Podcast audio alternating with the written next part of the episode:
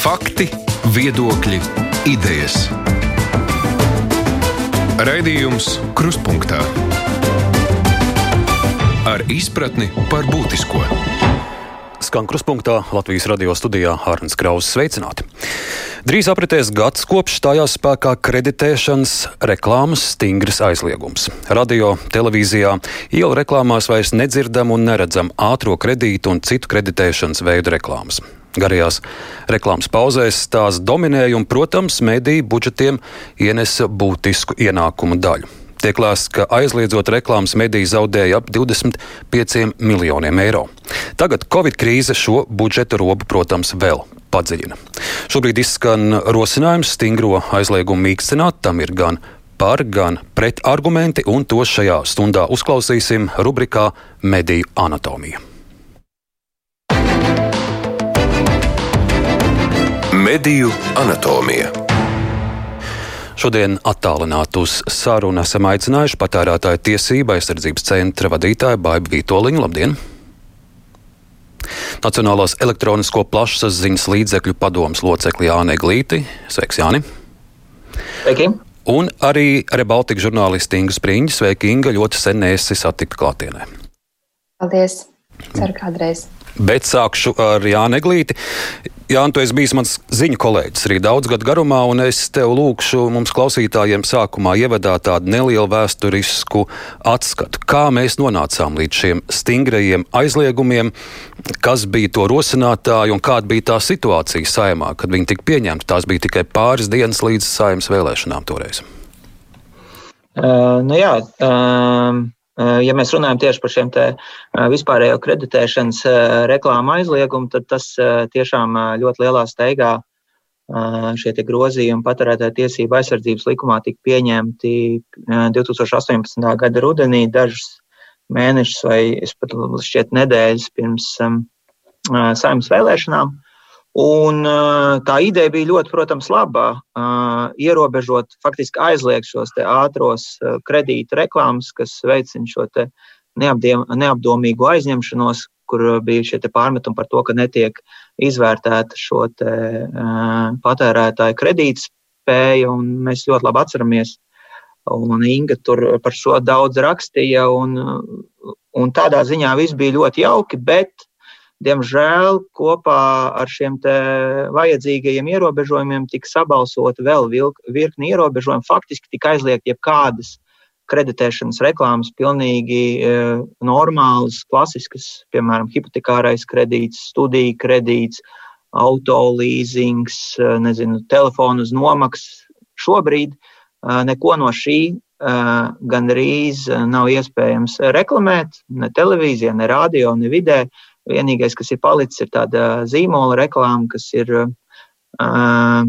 Kas, jā, kas, kas šobrīd arī tiek, ko vēl var pamanīt. Un, um, nu, tas, tas man, kā toreiz arī žurnālists, secinājums ir tāds, ka uh, tika izdarīts it kā labs darbs, bet tajā pašā laikā uh, tā situācija tika iesaldēta šī 18. gada rudens situācijā, kad ir kaut kāda virkne pazīstamu zīmolu, kuri var turpināt darīt to, ko viņi kaut kādā mērā dara, proti, kreditēties, kuriem ir zināmas priekšrocības, savukārt jauniem spēlētājiem ienākt uh, ir faktiski neiespējami, jo nu, bez reklāmas kampaņas kaut kādas pakalpojumus jaunas veidot ir ļoti grūti, ja ne neiespējami. Bet, eh, nu, tā kā šobrīd mans status ir pārstāvēt NPLP, tad pie mums arī vērsās trīs organizācijas - žurnālistu asociācija, raidorganizācija asociācija un reklāmas asociācija ar lūgumu šo kļūdu labot, jo mm, arī vairāk kārt ir politiķi toreiz atzinuši, ka tas mērķis nebija pilnīgs aizliegums, ka mērķis bija tieši ierobežot šo te, šos te ātros kredītus. Un, un uh, visi to tā kā atzīst, bet tās kļūda kā netiek, tā netiek labota. Un, uh, un, bet uh, šobrīd zaudējumi bez, bez jau minētajiem šiem te.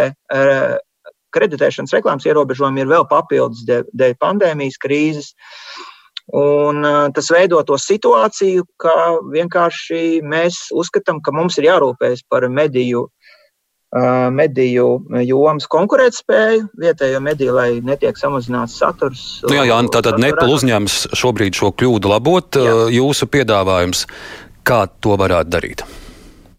Mūsu piedāvājums ir, ir, ir izstrādāti priekšlikumi, kas šo atceļ ierobežojumus uz trim kredītveidiem. Tātad hipotekārie kredīti, studiju, jeb studējošo kredīti un patēriņa pakalpojumu kredīti, kas vienkāršā valodā runājot ir šie nomaksas, nomaksas preču, nomaksas pakalpojums jeb līzings. Tik tā Jānis Eglīts no Nepla. Es arī uzrunāšu patērētāju tiesību aizsardzības centra vadītāju Baibu Vitoļiņu. Jums, protams, jāstāv patērētāja sardzē, un jūs uh, bijāt par šiem ierobežojumiem, taču jau uzreiz pēc to pieņemšanas uh, jūs pateicāt, ka saimi pāršāvus pār strīpu un uh, aizliegums kā to pēdējā brīdī pieņēma deputāti. Jāatgādina, tie bija deputāts Smiltēns un, un parādnieks pēdējā brīža priekšlikumu no viņiem nāca. Tas, tas kā tas likumā ierakstīts, nav tas, kā tas bija cerēts. Nu, gads ir pagājis, kādi ir jūsu secinājumi? Nu, pirmais, ko es varu minēt, ir tas, tomēr nebija patērētāja tiesība aizsardzības centra tāda iniciatīva, ka reklāmu vajadzētu ierobežot. Īpaši tādēļ, ka mēs jau iepriekš esam saskatījuši problēmas kaut kā juridiski noformulēt šo aizliegumu tā, ka to nevarētu samērā vienkārši apiet. Un to mēs redzam arī šobrīd praksē, ka faktiski patērētāja likums jau reglamentē tikai piemēram patērētāja kreditēšanu, bet tas nekādā veidā neliedz kreditē, um, piedāvāt uh, kredītus juridiskām personām. Tā kā, no mūsu skatījuma vairāk es teiktu, ka tas lēmums bija pārsteidzīgs tieši tāpēc, ka viss tas formulējums ir ļoti neskaidrs, tas rada netaisnīgus un tādus nevienlīdzīgus apstākļus starp dažādiem kredītiem. Nu, nu, piemēram, ja veikalā piedāvā kreditētājs preci patēriņam, tad ir citi nosacījumi nekā tad, ja pats pats komersants piedāvā uz kredītu savu produktu. Faktiski pat es teiktu, tas nekaitīgākais produkts ir aizliegts. Ja? Tas, kas mūs vairāk neapmierina, ir tiešām tas, tas likuma tāds formulējums, jo um, tad, kad raksta vispārējos aizliegumus, kā tas ir līdzīgi alkoholam un tabakai, mēs bieži vien aizmirstam padomāt, ka tas nav tikai televīzijā, reklāmas rullītes vai radio reklāmas rullīts vai kaut kas, nezinu, fotografija žurnālā, bet tas ir arī jebkuras darbības, kuras komersants veids pret, pret patērētāju. Tā arī īstenībā zināmā mērā ir arī patērētāja iepazīstināšana ar to informāciju, kas viņam ir ļoti svarīga. Un mūsu skatījumā vissliktākā lieta, kas ir notikusi, ir tieši tā, ka ir faktiski cilvēkam arī nav ļoti grūti ir saņemt informāciju pašam, jo, jo jebkāda reklāma, arī, arī informācija faktiski ir ierobežota patērētājiem sniegt. Un, uh, tas, nu, nu, tas, tas īstenībā ir slikti, nevis labi. Ja? Tad cilvēkam pat ir grūtāk šobrīd sameklēt un salīdzināt dažādas piedāvājumus. Uh, runājot par ātriem kredītiem, jā, tā visi pārsvarā parasti runā ātrie kredīti, ātrie kredīti, bet būtībā tādi jēdzieni jau tāds viennozīmīgs nav. Pasaulē pārsvarā to lieto kā um, high cost kredīti, kā dārgie kredīti, un tur būtu jābūt gada procentu likmē virs 100%, un parasti ir tas viena mēneša laikā atdodamie kredīti kredīti. Nu, šobrīd Latvijā tādi ir aizliegti un tādi faktiski nav, kam būtu šāda procentu likme iespējama. Tā ka, nu, būtībā tagad jau tas būtu vēl sarežģītāk noregulēt, jo nav īsti skaidrs, ko tad mēs tieši gribam aizliegt. Jā, bet tagad daži varētu teikt, kā tad tā galvenie patērētāju tiesību aizstāv Latvijā tagad ir par ierobežojumu mīkstināšanu. Um, varbūt nevienmēr tas ir saistīts tieši ar ierobežojumu mīkstināšanu. Mums nav tā, ka mums obligāti gribētos, lai atbrīvo uh, un reklāmas atļauj. Varbūt te mums mazliet atšķirīgi varētu būt viedokļi nepilpē. Mums ir svarīgi, lai ir skaidri pateikts, uh, kas ir aizliegts un kurā vietā ir aizliegts. Tātad, piemēram, ja mēs aizliedzam reklāmu, tad pasakām, kur, lai būtu skaidrs, ka tā ir tātad reklāma televīzijā un tam līdzīgi. Bet nevajadzētu ierobežot, piemēram, dažādu bukletu izplatīšanu, kur cilvēkiem cita starpā ir obligātā informācija, kas viņam jādod. Un tās sarunas ar patērētāju arī līdz ar to ir faktiski zināmā mērā ierobežotas. Ļoti grūti novelkama svītra. Mums nav tik daudz, ka vajag atbrīvot, bet vajag sakārtot tā, lai tas ir skaidrs, kas ir atļauts un kas ir aizliegts. Uh, vēl viens piemērs tam, kāpēc tas ir ļoti neskaidri, ir tieši šī tā saucamā zīmolvārda reklāma. Un, uh, ja jūs pavērosiet tirgu vēlāk, um, pēc šiem grozījumiem ļoti daudz ir šīs reklāmas tik un tā tirgū pieejamas, kuras komersanti uzskata par zīmolu vārdu reklāmām, bet, teiksim, fonā ir palmas, ja, kas liek domāt, ka tas ir paredzēts tomēr kredīts ceļojumam vai dažādas citas lietas, ļoti attraktīvas, ap citu reklāmas ar, par kāpostiem mums ir. Un, bijušas un tam līdzīgi. Kā, un, un tas ir īstenībā tas, kur to svītru praktiski nav iespējams novilkt. Kad, kas tad ir, kas tad nav atļauts. Ir svarīgi, ja mēs aizliedzam, tad skaidrs, lai ir skaidrs, ko. Un, lai, lai saprastu, kāds ir šo aizliegumu efekts, gada griezumā paraugoties uz jūsu statistiku, ir mazāk ļaužu, kas vēršas pie jums ar, ar sūdzībām par par to, ka, ka viņi ir eh, nonākuši parādu gūstā, un, vai ka viņi ir maldināti, vai ka, ka kaut kādas rīcības bijušas, kur viņi nonākuši šajā parādu cilpā. Nu, es teiktu, tā mums, mums īstenībā nemaz, nu, varbūt tik daudz arī tās sūdzības par tādām parādu cilpām nav. Es tā tieši arī to nevarētu saistīt, varbūt arī tieši ar reklāmu, ka, ka cilvēks tā kā reklāmas dēļ būtu nonācis tajā jūgā. Es teiktu, drīzāk cilvēki jūgā nonāk, nu, tieši šobrīd dēļ procentu likmes ierobežojuma ļoti ir, ir palielinājies tas kreditēšanas veids, kas ir tā saucamās kredītlīnijas, kas ir līdzīgs banku produktam, kur īstenībā cilvēki tieši dēļ tā produkta neskaidrības un informācijas trūkuma par to produktu, un īstenībā viņam ļoti grūti ir izsekot līdzi, kā tiek atmaksāts. Eh, ka tieši, tā, tieši šī apstākļa dēļ faktiski cilvēki drīzāk nonāk jūgā nekā dēļ um, īstermiņa kredītiem, kā tas vēsturiski bija. Bet statistiski es varu tikai pateikt, ka uh, gads liecina par to, ka krītas apjomi 15% eh, apmēram būs tas tas kritums, kas, kas šobrīd tirgū ir novērojams, Tāpat varam secināt, ka ir noteikti kreditēšanas veidi, kas ir faktiski izbeigušies dēļ procentu likmes ierobežojuma. Tā kā ietekme uz tirgu jebkurā gadījumā ir. Paldies! Kā nākamais uzrunāšu kolēģi Ingu Spriņģi no Rebaltika. Inga, tu esi gadiem pētījusi kreditēšanas tematiku, tu esi ļoti daudz rakstījusi par ļaudīm, par ģimenēm, kuras ir nonākušas šajā parāda jūgā. Tava reakcija tagad uzzinot, ka Nepal rosina šos aizliegumus mīkstināt. Man ir ļoti daudz ko teikt, bet man bail, ka tu man drīz vien pārtrauksi. Uh, nu, īsumā es esmu pilnīgi un kategoriski pret. Un es šajā gadījumā paužu savu kā žurnālistas viedokli, nevis kā Latvijas žurnālistu asociācijas, jo es zinu, ka žurnālistu asociācija arī bija par tiem, kad it sevišķi Covid laikā lūdza mīkstināt šos grozījumus. Un kādēļ es esmu pret, man ir vairāk faktori. Viens no tiem ir, man liekas, ļoti pēc būtības, ļoti neētiski un nepareizi, ka mēdīji lai iegūtu sev naudu, reklāmas naudu, eh, mudinās cilvēkus vairāk aizņemties uz kredīta un dzīvot uz kredīta. Vienalga, vai tas ir studiju kredīts, vai līzings, vai hipotērais, vai hipotekārais, vai vēl kaut kāds, kas, manuprāt, ir ļoti neētiski. Un, ja mēs šajā gadījumā runājam, ka likums ir kļūda un arī lietojam vārdu zaudējumi, Tas pilnībā nepiekrītu, ka likums būtu kļūda, un zaudējumi šajā gadījumā nevar būt mēdījiem. Zaudējumi var būt vienīgi ātriem kredītiem vai bankām vai tā tālāk. Tie ir uzņēmumi, par kuri var runāt par zaudējumu, nevis mēdīji eh, runāt par to, ka viņi neiegūs sev naudu dēļ tā, ka mēs neļaujam cilvēkiem vairāk iedzīvoties parādos. Otra lieta ir attiecībā par to, vai likums ir kļūda. Mans viedoklis, ka likums nav kļūda, bet kļūda ir ptats un ptats bezzobainība. Jo, ja tagad arī tāds vadītājs saka, ka jā, ir šīs kredītlīnijas, nu, ka respektīvi, ka zudis šis pakalpojums kā ātrie kredīti. Jā, ja mēs piesienamies vārdiem, tad ātrie kredīti, kas nozīmē īstermiņa aizdevums, tie ir būtiski samazinājušies vai pat miruši, jo vienkārši šīm firmām nav vairs izdevīgi uz tik maziem termiņiem aizdot naudu. Bet ir atrasts jauns veids, kurā viņi pārsauc par kredītlīnijām, kurā joprojām cilvēki iekrīt. Ja tagad uh, Vitoļņas kundze saka, ka dēļ reklāmas ierobežojumiem cilvēkiem nav iespējams uzzināt informāciju, un viņi nesaprot, kur viņi iekrīt, paņemot kredītlīniju, piedodiet, viņi nesaprata, kur viņi iekrīt arī pirms tam, kad viņi ņēma šos īsos ātros kredītus. Un tur speciāli tiek izmantotas ļoti gudras stratēģijas un taktikas, kā tiek noformulēti šie kredīti, kā viņi tiek saukt, lai cilvēki apzināti arī nesaprastu, ko viņi paņemtu.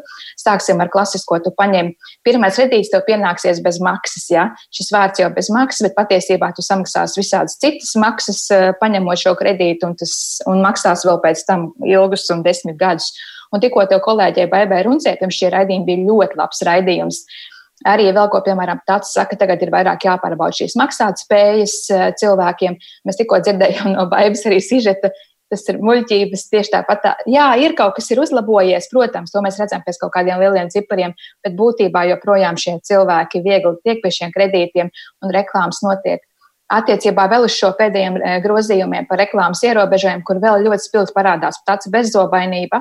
Un, manuprāt, arī neieinteresētība ir šīs pašas zīmola reklāmas. Mēs ar Baltiku rādījām un arī tāds pievērstām šiem uzmanību, kā piemēram caur eh, e-pastu inbox tiek apiet šis reklāmas ierobežojums. Jo likums skaidri pasaka, ka nedrīkst bez cilvēku piekrišanas izsūtīt šīs reklāmas uz e-pastiem. Ko dara inbox? Inbox jau atsūta šo reklāmu un saka, vai tu piekrīti to saņemt vai nepiekrīti bet tā reklāma jau ir atsūtīta. Un, ja cilvēks saka, ka viņš nepiekrīt saņemt šo reklāmu, tad viņu tik un tā aizved uz tā konkrētā reklāmas devēja mājaslapu.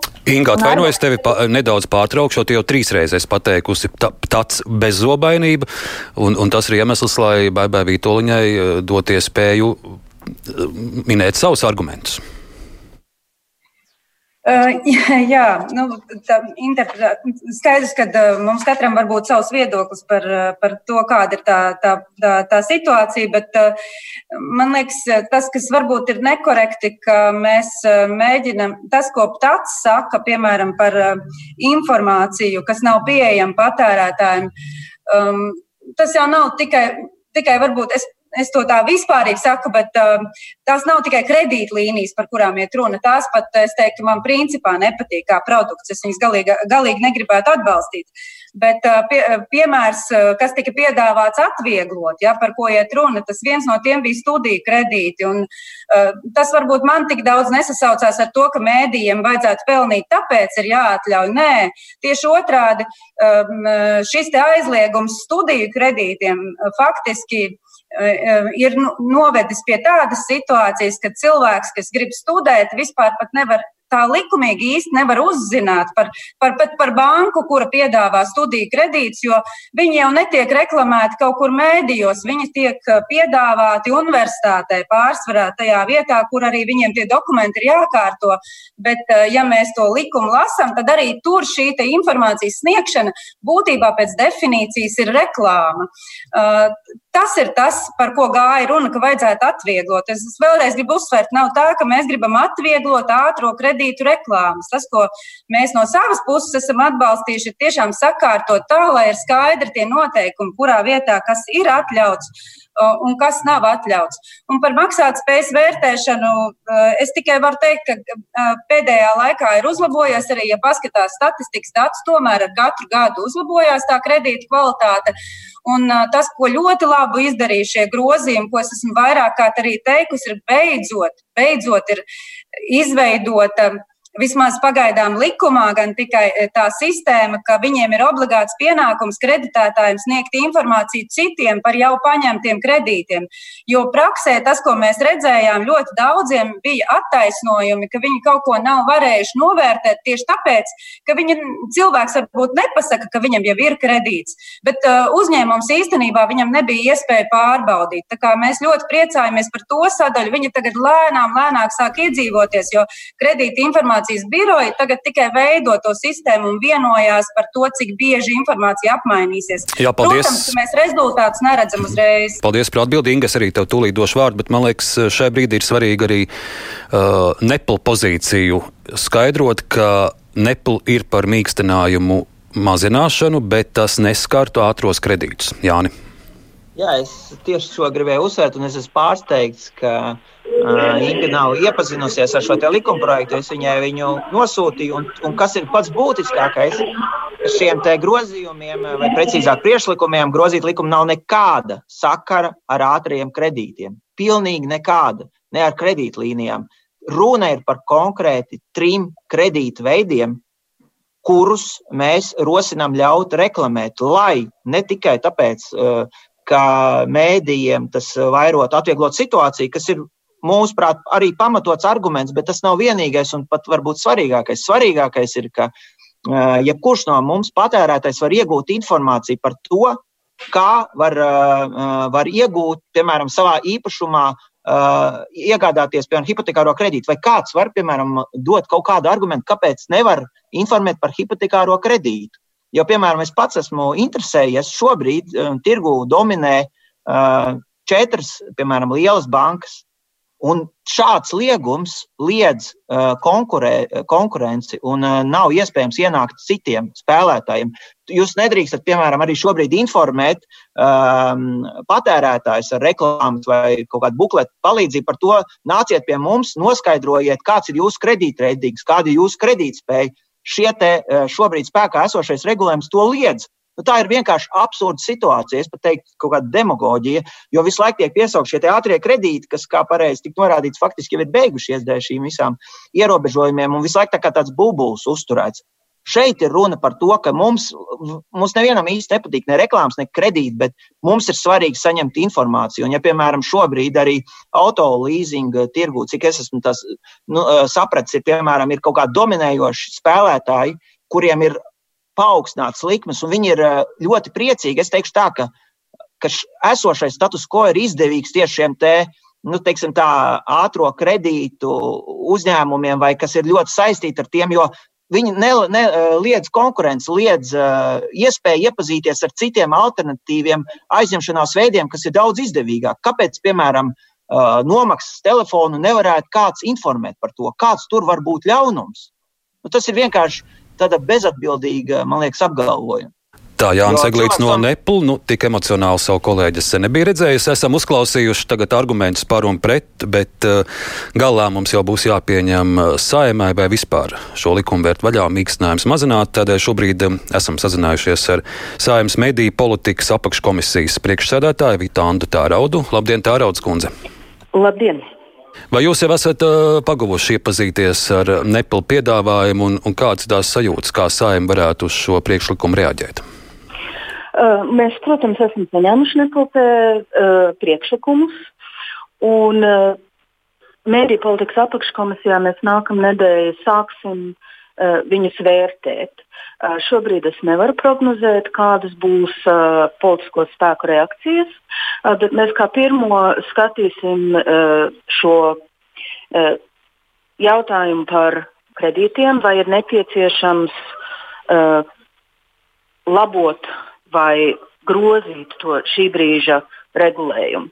Proti, vai nepieciešams atļaut uh, tomēr reklamēt atsevišķus kredīta veidus. Uh, šeit jau runāja par hipotekāriem kredītiem, par studiju kredītiem un par citiem. Uh, šī būs diskusija nākamā otrdiena apakškomisijā.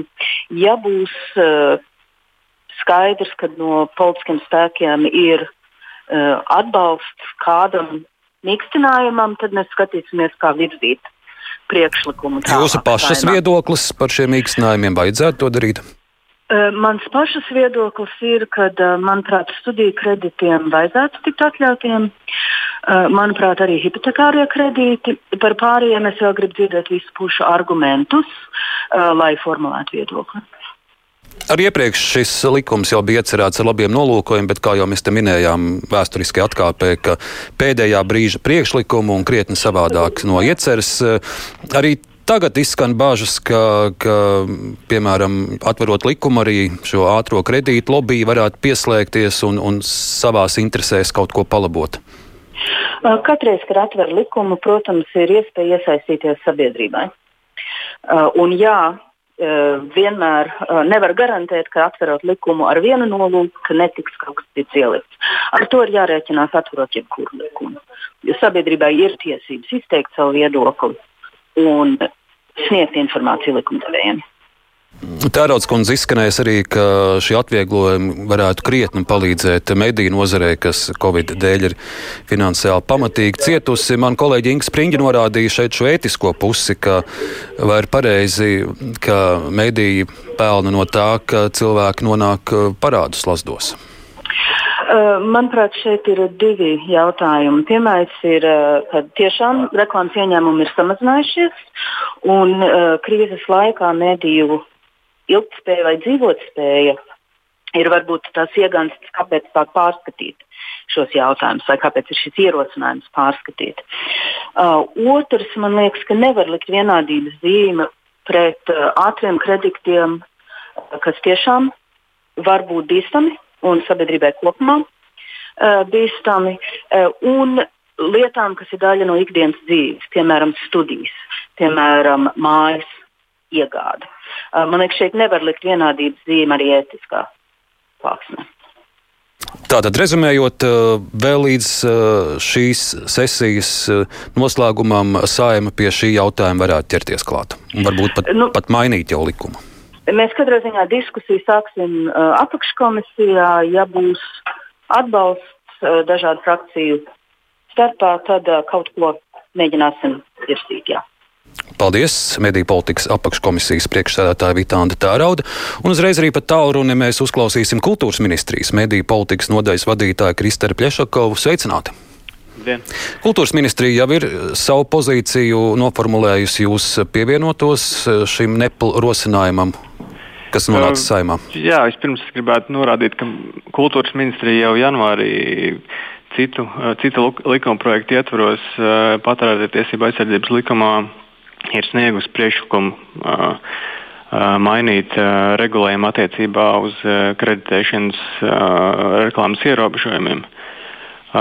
Jau janvārī mēs piedāvājām, ka, mm, ka tātad grozījumi varētu, jaunie grozījumi nozīmētu to, ka ir pieļaujama mm, hipotekāro kredītu reklāma, studiju kredītu reklāma, kā arī preču iegāde uz nomaksu. Tas, mēs jau ar šādu iniciatīvu nācām janvārī, un es uh, saprotu, ka šie, šis likumprojekts arī pavisam drīz varētu tikt skatīts valdībā, un arī tur, un tur arī varētu būt diskusijas par šo jautājumu. Tad sanāk, ka notiek šobrīd pat divas paralēlas virzības, neplat caur sājumu un jūs caur valdību ar šiem rosinājumiem. Tā sanāk. Kā jau šeit izskanēja, šis, protams, eh, Neplis saka, tas nav galvenais arguments, bet viens no šo grozījumu mīkstināšanu palīdzētu šajā smagajā situācijā. Medijiem, kā jūs kopumā raksturotu eh, šobrīd eh, divu mēnešu šajā krīzē, kā, kā mediji jūtas un šis atbalsts, ko valdība ir devusi, tas būs, cik var saprast, līdz jūlijam, vai ir plānots, plānot vēl līdzīgi kādu šādu palīdzību, vai šī, šī bija vienreizēja lieta? Mēs šobrīd jā, tiek izvērtēti, mēs saņemam aktuālos datus par, par situāciju mediju tirgu, un mēs redzam, ka, ka uzlabojumi nav vērojami, un arī prognozes uz eh, nākamajiem mēnešiem eh, nav pozitīvas. Līdz ar to mēs eh, šobrīd izvērtējam iespējas, kā sniegt atbalstu nozarei. Bez šaubām arī dažādu reklāmas ierobežojumu atvieglojumu var būt eh, viens no mehānismiem. Eh, turklāt jāņem vērā būtisks aspekts ir. Eh, domājot un nosakot, ja kādas reklāmas ierobežojums ir par to efektivitāti, proti, pieaugot nelināru pakalpojumu, pie, pieaugot nelināru pakalpojumu popularitātei, mm, ierobežojumi kļūst aizvien neefektīvāki jo, nu, respektīvi, lineārajos pakalpojumos uh, kādreiz uh, šie ierobežojumi strādāja, jo mūsu tirgu nepiedalījās daudz dažādu subjektu no ārvalstīm. Uh, uz kuriem šie ierobežojumi netiecās. Tendences ir mainījušās, un tāpēc uh, ir nepieciešams pārskatīt arī dažādas reklāmas ierobežojumus. Jā, tie arī klausītājiem ir jāatgādina, ka šie pirms gada pieņemti ierobežojumi neatiecas piemēram uz pārobežu mēdījiem, tāpat tās tas neskar internetu vietnes, video koplietošanas platformas, sociālos medijus, vai te ir domāts, ko mainīt? Nu, precīzi, tas ir tas, ir tas, ko, tas ko jūs sakāt. Uh, ka šie, zināmā mērā mēs ar šādiem ierobežojumiem diskriminējam pašu savu mediju tirgu, liedzot pretendēt uz ie, ieņēmumiem no, no, šiem, no šīm reklāmām. Vienlaikus caur dažādām citām ārvalstu platformām šīs reklāmas sasniedz mūsu auditorijas. Jūsu prognozes no saimnes mēs dzirdējām, ka tikai nākamdēļ nāks kopā un sāks lemt un skatīt, bet drīz jau tuvojas arī saimnes sesijas noslēgums. Valdībā varētu tie tempi būt ātrāki. Tā gan neizskatās, jo, ja jūs sakat, ka janvārī jau ir, jau ir sagatavot priekšlikumu, mēs esam maija beigas un vēl nekas nav tālāk virzījies. Es saprotu, ka tuvākajās, kādā, kādā no tuvākajām sēdēm varētu nonākt likumprojekts patērētāju tiesību aizsardzības uh, likumā, kas gan nav konkrēts par, uh, par reklāmu jautājumiem, bet uh, ņemot vērā, ka bija iespēja sniegt priekšlikumus konkrētajā likumā, kultūras ministrs izmanto iespēju, lai, lai atkārtoti aktualizētu šo problēmu. Kultūras ministrijas mediju politikas nodaļas vadītājs Kristers Pļešakovs. Paldies par šo komentāru klausītājiem. Atgādināšu, ka šodien uz sarunu esam aicinājuši Nepal locekli Jānu Eglīti, patērētāju tiesība aizsardzības centra vadītāju Baibu Vitoļiņu un Rebaltika žurnālistu Ingu Spriņģi. Pēc pavisam īsa brīža mēs sarunu turpināsim. Raidījums Krustpunktā. Un, Inga, es uh, atkal uzrunāšu tevi, kā mēs uh, dzirdam un redzam. Pagaidām tu esi viena savā pozīcijās pret jebkādu mīkstināšanu, atcelšanu, bet es atgādināšu, kā jau minēju, tu esi daudz šo tematu pētījusi, un, un to arī uh, decembra beigās, pērnā gada decembra beigās, Teorija Baltikā bija publikācija kā šī aizlieguma darbojas dzīvē. Un šīs publikācijas pat virsraksts ir aizlieguma darbojas tikai uz papīra. To arī analizēja, ka ir vismaz trīs punkti, kur ir dažādi likuma caurumi, un no šiem ierobežojumiem patiesībā nekāda liela jēga nav. Nu, tā tu pat esi rakstījusi pērnā gada decembrī. Jā, jēga nav tādā ziņā, tādēļ, ka pats tos nekontrolē un neuzraugā tiešām viņi tiktu uzraudzīti. Un es reiz minēšu arī kā piemēru, ja, piemēram, ātrie kredīti kuri, piedod, Jāni, viņi nav miruši. Mēs varam teikt pēc vārda, ka viņi ir miruši, bet viņi nav miruši. Viņi joprojām ļoti aktīvi darbojās un tiek izsniegti, tikai mainījusies forma un vārdi, kā tie šobrīd tiek saukti. Tad uh, man ir ļoti vienkārši viens tas pats konkrētais piemērs, ko es minēju par šiem zīmogu reklāmām, kas bija aizliegts caur e-pastiem un caur internetu. Un tad, kad es runāju ar inbox īpašnieku un es vaicāju, kādēļ jūs šo dariet, jo likumā ir pateikts, ka ir aizliegts, viņš saka, bet mēs ar tādu saskaņojām, mēs pat prasījām, vai tā drīkst darīt, un tāds teica, jā, ka tā drīkst darīt. Un tikko arī pirms tam Latvijas jūsu pašu raidījumā pētnieciskie žurnālisti bija izpētījuši, ka, kur arī Vītoliņas kundze saka, ka viņa ir vērsta uz sadarbību ar nozari, nevis uz sodīšanu. Un es domāju, šī Es kā saprotu, protams, sodīšana vienmēr ir jābūt pēdējais un nevajag iet uz konfliktiem un vajag tādā produktīvā veidā strādāt, bet es jau sešus gadus dzirdu šo sadarbību, sadarbību un Līdzīgi arī mēs dzirdējām par Latviju naudas atmazgāšanu. Vienmēr Fuktuks nekad nesodīja bankas, jo taču bija sadarbība un beigās Amerika piespied mums aizvērt virkni bankas, jo tās vienkārši nodarbojās ar netīras naudas atmazgāšanu. Ko es gribu pateikt, ka respektīvi ir biznesa, kur sadarbība nestrādā, kur vajag arī sos un vajag regulāri strikti pateikt. Plus bankas gan šo likumu ir sapratušas, un viņi nereklamē savus pakalpojumus caur zīmoliem, internetiem, Facebookiem un tā tālāk. Savukārt ātrie kredīti nav sapratuši. Tā kā es domāju, šeit ir kontrole par to, kā šis likums vienkārši tiek piemērots. Un vēl es gribētu pateikt attiecībā uz nepulpu. Jānis man sauc par demagogu, bet man arī ir jautājums šajā gadījumā, un tas turpināšu šādā gadījumā būt demagogs, par to šo pašu, piemēram, kam kā Nepilp līdz šim ir piešķīris finansējumu.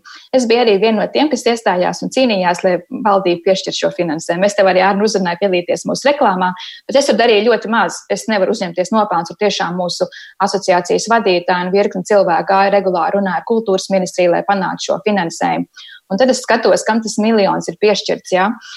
Sporta centram raidījumam par futbola bumbu, kas saucas futbola bumba, kurā stāstīs par futbola vēsturi, tiksies ar interesantiem cilvēkiem un tā tālāk. Piešķirt gandrīz 30 tūkstoši. Tad ir raidījums Exit ciemos, kurā man skaidroja, ies ciemos pie bijušiem sportistiem, kas dalīsies savā pieredzē ar jaunajiem sportistiem. Tad ir latviešu mūzikas skatuve ar Patrišu, kas būs Radio Super FM, kurā jaunie mūziķi tiks iepazīstināti ar pieredzējušiem producentiem, kas viņiem dos savus padomus. Šajā preses relīzē, kur izsūtīs par šiem raidījumiem, Nepilpa pārstāve min, ka šī piešķirtā nauda veicinās kvalitatīvu žurnālistikas pastāvēšanu. Nu, zin, tad, kad es iestājos par to, ka mums ir jāprasa valdībai nauda, lai mēdī izdzīvotu, šis nebija tas, ko es sapratu ar kvalitatīvu saturu un kas palīdzēja žurnālistiem radīt stāstīt par futbolu. Jā, noteikti ir daudz cilvēku, kam tas interesē un tas ir svarīgi, bet manā izpratnē tā nav kvalitatīva vai analītiska žurnālistiska, kam šis finansējums būtu bijis jāpiešķir. Tā kā šajā gadījumā, ja mēs meklējam, kur dabūt finansējumu, varbūt tā vietā, lai lūgtu cilvēkus paņemt ātros kredītus vai paņemt mājai kredītu vai aizņemties studiju kredītu, šis arī jautājums, kā tā nauda, kas tika piešķirta, jau ir sadalīta. Un vēl kultūras ministrs, arī ministrijas pārstāvs tikko minēja, kā piemēru šo, ka caur Facebook un tā tālāk mums ienāk reklāmas un, un tas nepaliek, tiek atņemts tā kā vietējiem mēdījiem. Jā, bet tā ir kā pilnīgi cita tēma. Tie ir jautājums par digitālo nodokli, ko mēs arī mēģinājām rosināt un aicinājām valdības un finanšu ministrijas līmenī pārskatīt šo iespēju un uh, uzlikt nodokļus šiem lielajiem ārvalstu gigantiskiem milžiem. Jo šobrīd Facebook, eh, Twitter, uh, Amazon un tā tālāk, viņi Latvijā nemaksā nodokļus, vai tas ir ļoti minimāli, ko viņi maksā.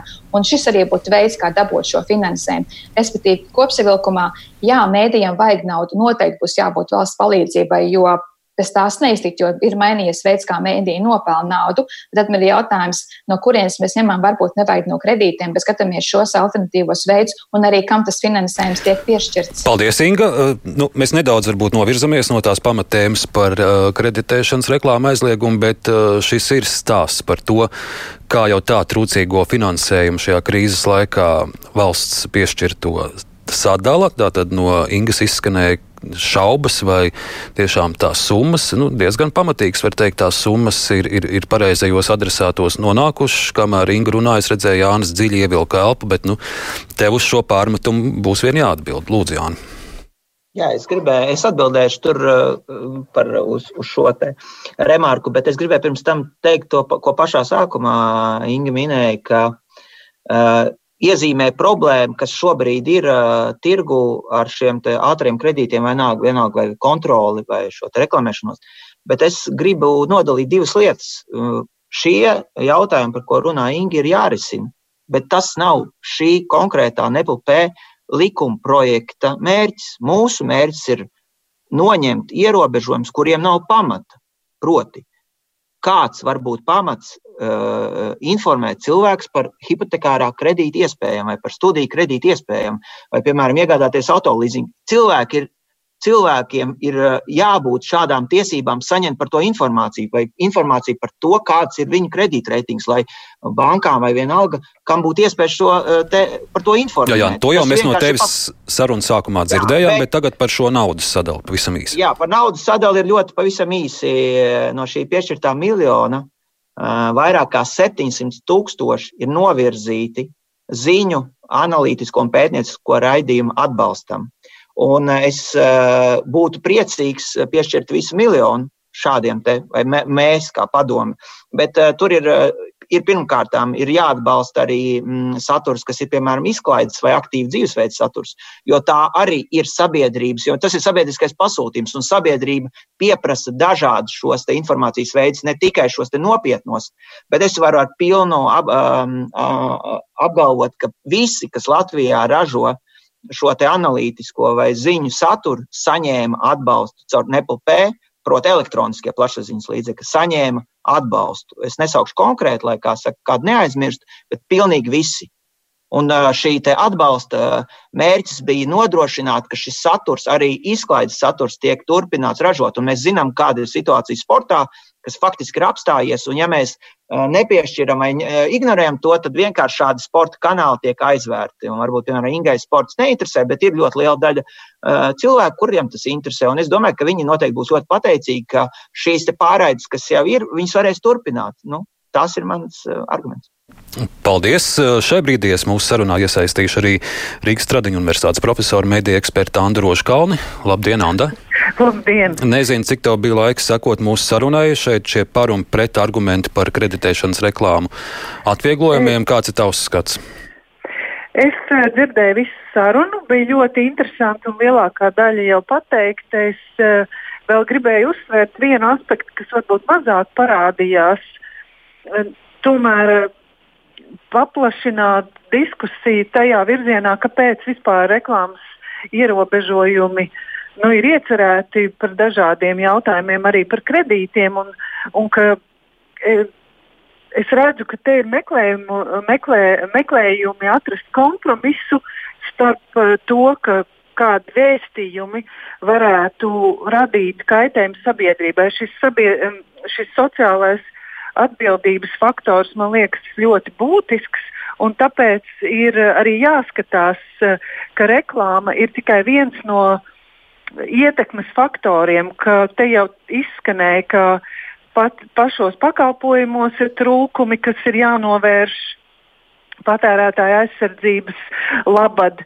Un, un es esmu par to, ka tiek meklēts kompromisi, ka nevar skatīties uz reklāmas auditoriju, mediju auditoriju kā uz tādiem bezspēcīgiem, nu, viegli un ātri mani, manipulējumiem uh, nu, grupām vai individiem, kuri momentā nonāks uh, kādas viņiem vēstītas informācijas valgos.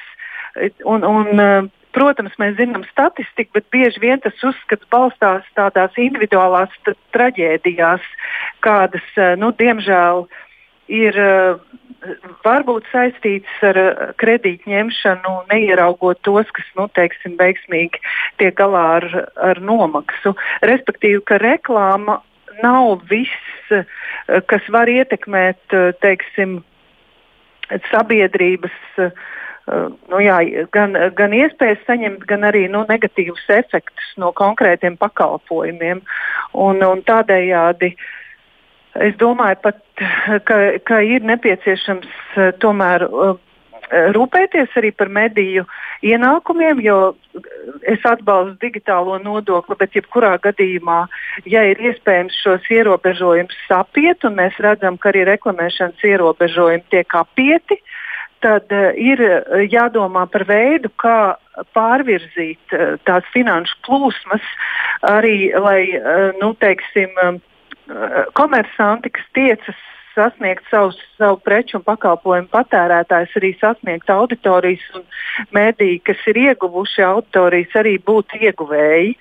Un, un, un ja ir kādas problēmas ar vēstījumu, ja, ja, ja tas nav pietiekoši neitrāls vai aicina tiešām pieņemt kaut kādus neprātīgus lēmumus un ārkārtīgi vilina ar atlaidēm, tad var veidot grozījumus, kas uh, nu, šo vēstījumu, respektīvi reklāmas saturu, uh, ierobežoja vai uzliek kādas prasības pret reklāmas vēstījumiem, bet nevis pašu reklāmu. Un es arī pašlaik runāju tiešām par to, ko Neplis piedāvā, Un es uzskatu, ka tas ir racionāls piedāvājums un risina pirms gada nu, pieļautos tādus tāda, nu, teiksim, tā kaislīgi pieņemtos, varbūt nepārdomātos grozījumus. Anda, es vēl tev kā profesorei gribēju dzirdēt nu, nu. tavas pārdomas. Uh, tas, kas izskanēja no Ingas, uh, ir, ka uh, šis ētikas jautājums, Inga teica, ka ir neētiski, ka mediji šobrīd savas uh, finanšu problēmas mēģina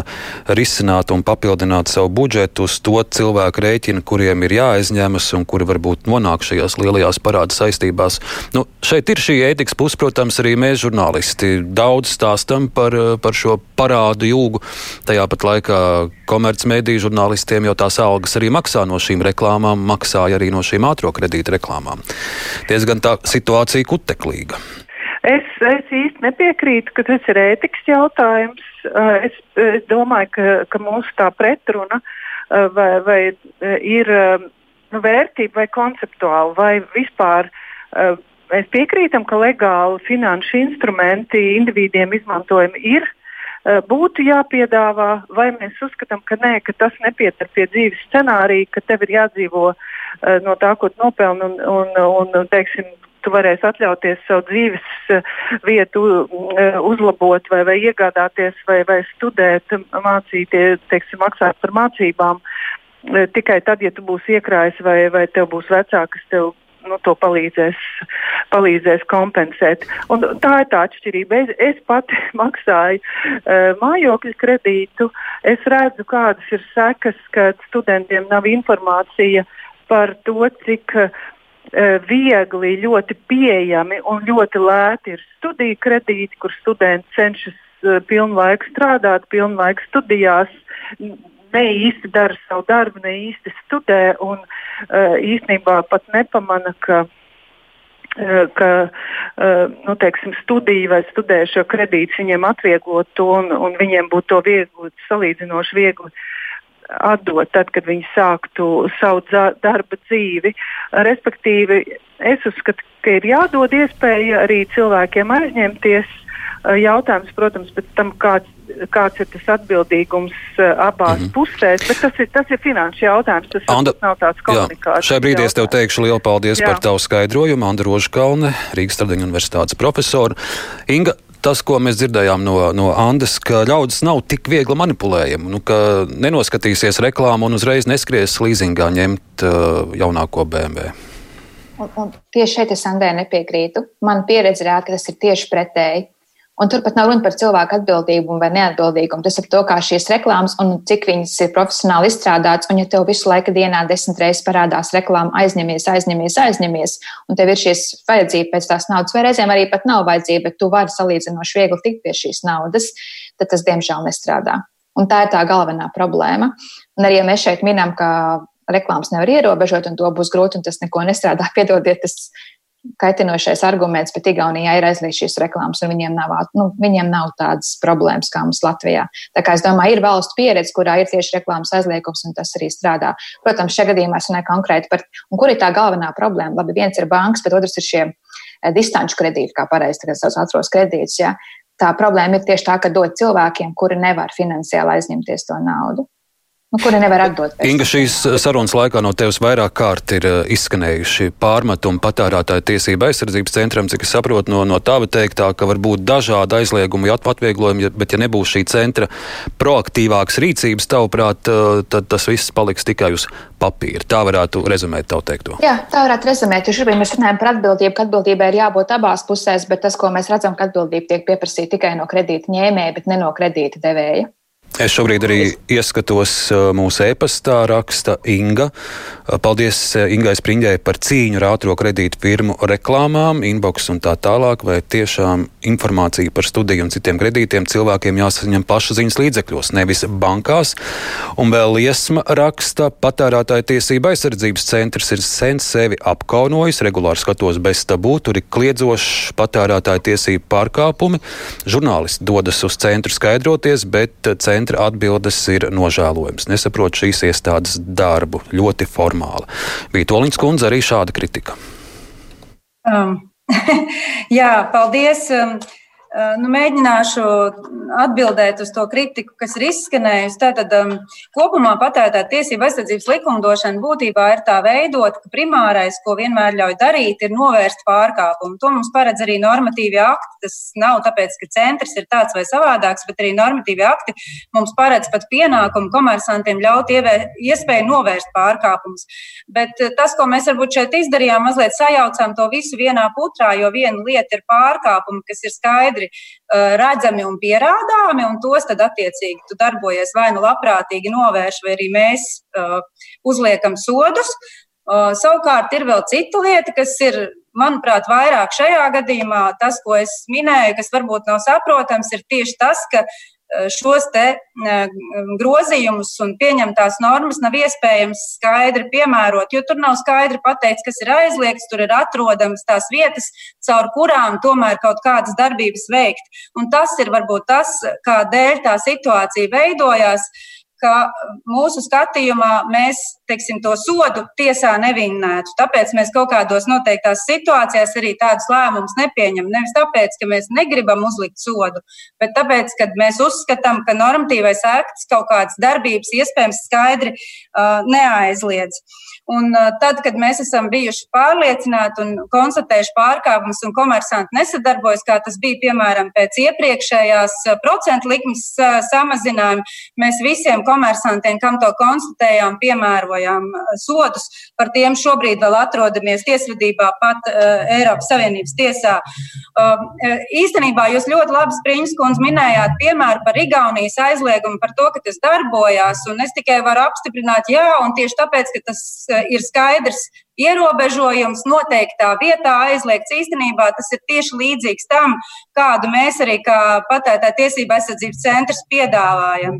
Tad, vēlreiz es nemēģinu, uh, es, es nemēģinu atbrīvot ātrā kredīta reklāmas, es mēģinu vērst uzmanību, ka likumā ir trūkumi, kuru dēļ daudzas, manuprāt, sliktas lietas varbūt šim te uh, sietam paiet garām. Uh, un, um, Līdz ar to neiegūst patērētāji. Un vēl es gribētu minēt, varbūt, kāpēc, kāpēc mūs uztrauc tieši tā informācijas pieejamība, jo, jo ja reklāma tā ir, tā ir, protams, viena lieta, bet uh, nu, teiksim, bankām, jūs arī teicāt, bankas tā kā labākas un nebankas sliktākas, bet atcerēsimies, ka bankām tradicionāli ir viņu ofici, kuros īstenībā viņām visa reklāma ir atļauta.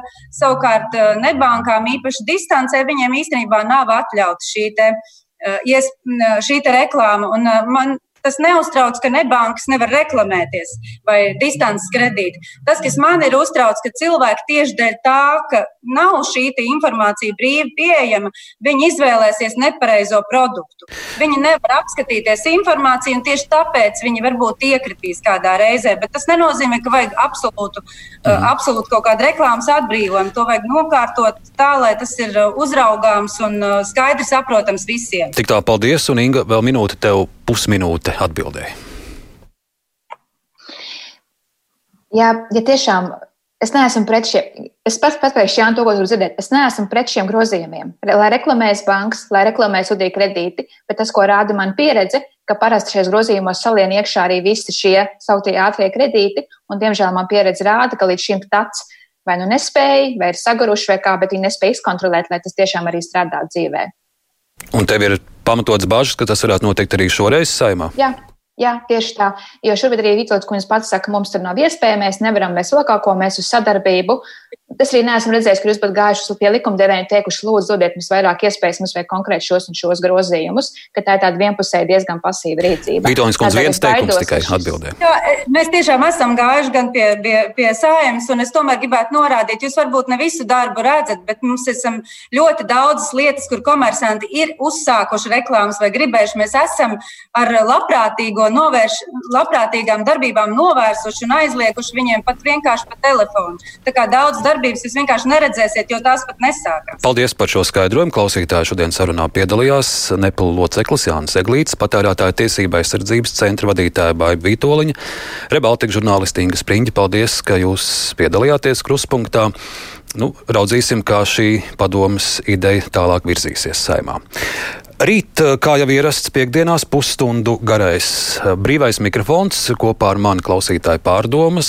Uzklausīs Baibas Ipinietes Gavara, tā kā domāju būs ļoti interesants rādījums. Un, protams, ar kolēģiem žurnālistiem apspriedīsim nedēļas notikums. Producente Evija Unām, studijā Arnas Krause. Mediju anatomija. Fakti, viedokļi, idejas. Raidījums Kruspunkta ar izpratni par būtisko.